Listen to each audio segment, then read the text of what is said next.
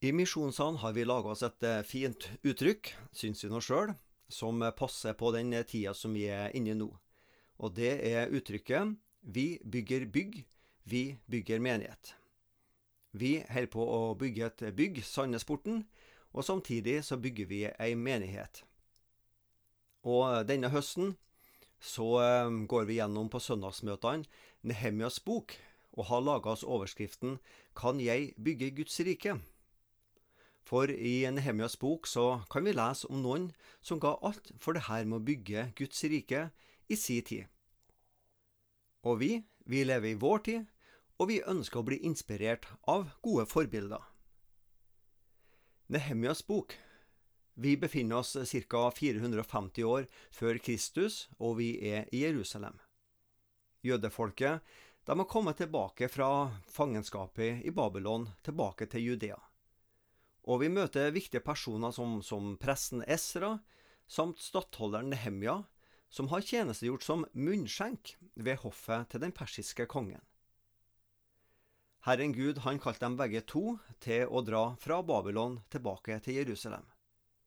De skal bygge opp igjen muren rundt Jerusalem og forny gudstjenestelivet knytta til tempelet i Jerusalem. Først og fremst så skal de bygge menighet, gjenreise jødene som Guds folk. Et eh, åndelig sterkt og myndig troens folk skal igjen bo og regjere i det landet Gud ga Abraham og hans etterkommere. Et stolt, men ikke høy på pæra-folk, et ydmykt, men ikke taust og skamfullt folk skal leve og bo sammen, bygge Guds rike midt i si tid, i ei uoversiktlig nåtid og en usikker framtid. Gud, han trengte dem begge, den åndelige byggeren Estra, men like mye også praktikeren og organisatoren Nehemja. For på den ene sida, hvis det ikke ble noe tempel, ja vel, så ble det ingen ofringer og felles tilbedelse. Og på den andre sida, hvis det ikke ble noen mur, da kunne folket bli utsletta av fiender. Praktikeren og den åndelige byggeren går sammen. Vi er sterke sammen. Vi spiller hverandre gode. Alle må gjøre det de er best til.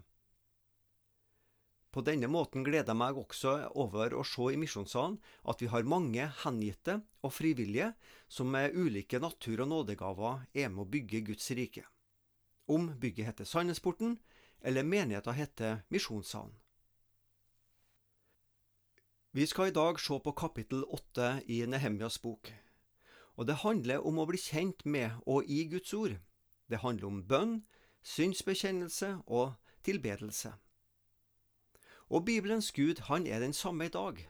Gjennom ordet og bønna bygger Guds kirke i den enkelte troende, og dermed bygges den også i menigheten, i vårt fellesskap. Skal vi bygge et solid fundament for menigheten Misjonssalen, så heter byggesteinene tillit til Guds ord, bekjennelse av synd og tilbedelse av Han som er Herre og Gud over alt og annet. Og sjølve grunnsteinen, det er Jesus Kristus og nåden sjøl. Vi leser de to første versene i Nehemja kapittel åtte.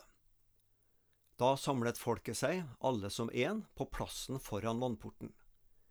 De ba Esra den skriftlærde om å hente boken med Moseloven, som Herren hadde gitt Israel. Pressen Esra bar loven fram for forsamlingen, både menn og kvinner, alle som kunne forstå det de hørte. Det var den første dagen i den sjuende måneden. Vi møter altså presten Esra som leser fra lovboken. Det er Mosebøkene. Og faktisk, det er jo litt interessant, det er folket som ber han å lese og tale for dem. Han prakker ikke Guds ord på folket, men det er folket som tørster og er sultne på mer fra Gud. Gud, gi oss noe. Gud, fyll våre tomme og tørre hjerter. Gud, vi ønsker så mer åndelig liv, at det spirer og gror av liv i din menighet. Derfor var det om å gjøre for folket å møtes. Og vi kan si heldige dem som kunne ha stormøte, møtes flere hundre mennesker sammen. Godt folk, en dag, om ikke mange måneder, så skal igjen misjonssalen fylles med 100, 200, 300, ja kanskje enda flere mennesker når denne pandemien med korona er over. For hver dag som går, er vi nemlig en dag nærmere slutten på pandemien, og en møtesal som skal fylles med barn, ungdommer, voksne og eldre, som vil høre Guds ord og synge navnet Jesus blekner aldri. Han har satt min sjel i brann. Ja, vi er Guds folk som skal tenne brannene der i det stedet hvor gode folk for noen år siden jobba med å slukke branner. Kanskje ei tid som denne, og en situasjon som vi nå opplever, kan gjøre at vi setter enda mer pris på det å møtes og høre og tilbe Gud sammen. Folket ba Estra lese og legge ut Guds ord for dem. Det syns jeg er et nydelig initiativ fra folkets side. Det var viktig for folket å være til stede, at de var der, og at de var der alle sammen. Jeg kan ikke gå glipp av at Gud vil si meg noe. Det tror jeg var en holdning de hadde. Vi må være der, og vi må være der alle. Vi hopper noen hundre år fram i tid til Jesu tid, og Thomas, disippelen Thomas, han var ikke til stede da Jesus viste seg for disiplene første gang etter oppstandelsen. Derfor må Thomas leve med tvilen en hel uke før han fikk et personlig møte med Jesus. Han var ikke der da Jesus var der. Hva gjør vi nå i koronatider? Vel, Bibelen den finnes jo fortsatt i hjemmene. Radio og internett, ja, det har vi alle sammen. Og bønnen er jo ikke avhengig av at vi fysisk møtes og to av oss kan jo avtales å møtes for å lese, snakke, be sammen. Medvandring kaller vi det. Og kanskje nå, for den tida her, så er det en ekstra tid for tro i hjemmet. Som mor og far er du prest for barnet ditt. Bruk denne tida slik at barna blir enda mer, at de enda mer opplever at Jesus har en helt naturlig plass i huset vårt. Vi leser vers 3 i kapittel 8 hos Nehemja. Esra sto på plassen foran vannporten fra tidlig om morgenen til midt på dagen, og han leste opp av loven for mennene og kvinnene og alle som kunne forstå det, og hele folket lyttet oppmerksomt til det som sto i lovboken. Antakelig sto de der i flere timer og hørte på opplesing og tekstutleggelse.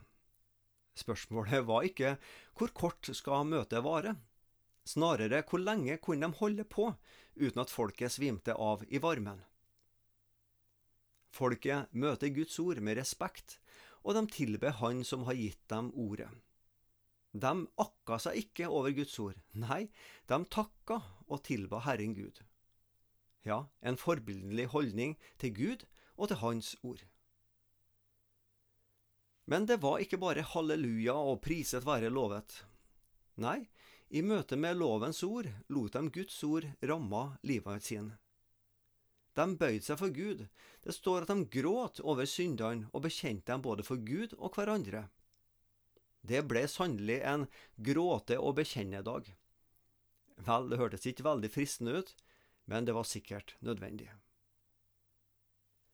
I Forkynnerne 3,4 så står det sånn.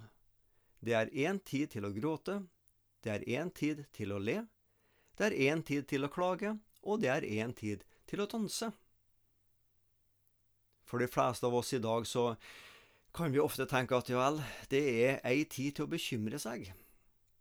Men Bibelen ber oss ikke om å bekymre oss, men i stedet ber den oss om å gråte over synden vår. Når vi bekymrer oss, da gjør vi oss egentlig sjøl til guder. Vi tror at vi sjøl må fikse opp i livet.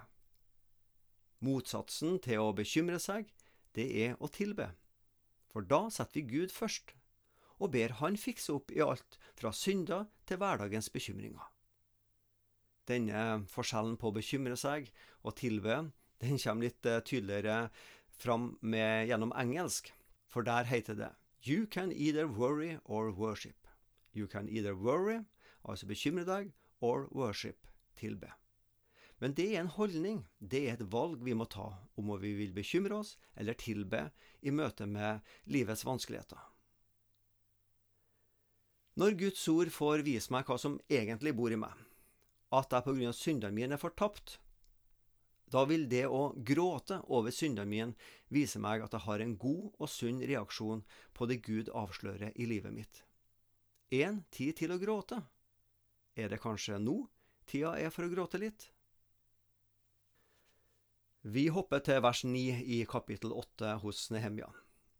Stattholderen Nehemja, presten Esra den skriftlærde og levittene som underviste folket, sa da til folkemengden. Denne dagen er hellighet Herren deres Gud. Dere skal ikke sørge og gråte, for hele folket gråt da de hørte det som sto i loven. Det er et ordtak som sier at vi befinner oss kun midt på veien, kun når vi beveger oss fra den ene grøfta over til den andre. Kanskje finnes det ei grøft i kristenlivet som vi kan litt sånn kalle happy-clappy kristendom, der vi blir så veldig glade og alt er happy og godt i livet. Mens den andre grøfta, den, eh, der blir vi så veldig opptatt av synda vår. Det blir liksom viktigere å bekjenne at jeg er en gigastor synder, enn å takke Jesus for den enorme frelsen han har gitt meg. Synderen blir liksom så veldig opptatt av synda si, mens Guds nåde forsvinner ut av bildet. Derfor oppmuntrer Nehemja og Esra folket til å være glade. Vers 10-12. De sa så til dem, Gå og spis fete retter og drikk søt vin, og send mat som gaver til dem som ikke har noe. For denne dagen er hellig for vår Herre. Vær ikke bedrøvet, for gleden i Herren er deres styrke. Levittene beroliget folkemengden og sa, Vær stille, for dette er en hellig dag. Vær ikke bedrøvet. Da gikk hele folket for å spise og drikke og sende gaver. De laget en stor fest, for de hadde forstått det som ble sagt til dem. Når vi hellige dagen, ja, hele livet til Jesus, så vil gleden fylle hjertet og gradvis sterkere og sterkere preg livet vårt. På denne dagen som vi leser om i Nehemia 8, med synsbekjennelse og timevis med skriftopplesing, så var det altså gleden i Herren som skulle stå i fokus for jødefolket. Du veit vel hva fi-fi-fi er? Fi-fi-fi? Filipperne 4-4. Gled dere i Herren, igjen vil jeg si dere, gled dere i Herren. Hvis du mister gleden i Jesus, da vil motløshetens kvelende ånd og tunge skyer sige innover livet ditt. Kraften og frimodigheten vil da gradvis fordufte. Nei, gleden i Herren skal være vår styrke. Som enkeltkristne som en kristen familie og som Guds menighet. Når vi kommer sammen til møte, trenger vi åpenbart å bekjenne synd. Men sannelig skal vi også feire og glede oss sammen. Hvis vi som Guds barn ikke kan glede oss, vel, hvem kan gjøre det da? Ingenting blir så fort historie som en fotballseier eller seier i skisporet eller en annen form for seier. Men vi, vi har en glede som varer inn i evigheten. Gleden i Kristus tar aldri slutt. Hørte jeg et lite halleluja i hjertet ditt? Folket som hadde hørt på skriftopplesing og bekjent synd og grått, og nå altså blitt oppmuntra til å glede seg. De gikk hjem og holdt en heidundrende, men også gudfryktig fest. Og så tenkte de ikke bare på seg sjøl. Nei, de sendte gaver til dem som ingenting hadde. De delte. Det var julaften hele dagen, ja, sikkert hele uka gjennom. Og denne festen de besto av de fire gode g-er. Gud, glede, gaver og god mat. Da gikk hele folket for å spise og drikke og sende gaver. De laget en stor fest, for de hadde forstått det som ble sagt til dem. Alle disse gode sakene kom av at de hadde hørt Guds ord opplest og forkynt. Når vi opplever at forkynnelsen og Guds ord gir oss god åndelig mat, da kommer den sanne og virkelige gleden, og da blir vi gavmilde. Gud, han er den samme i dag. Vi blir også mer gavmilde av å høre om Han som ga sin sønn for oss alle. Gleden i Kristus og størrelsen på kollekten, som vi også kaller offer, er proporsjonalt like. Det ene fører til det andre.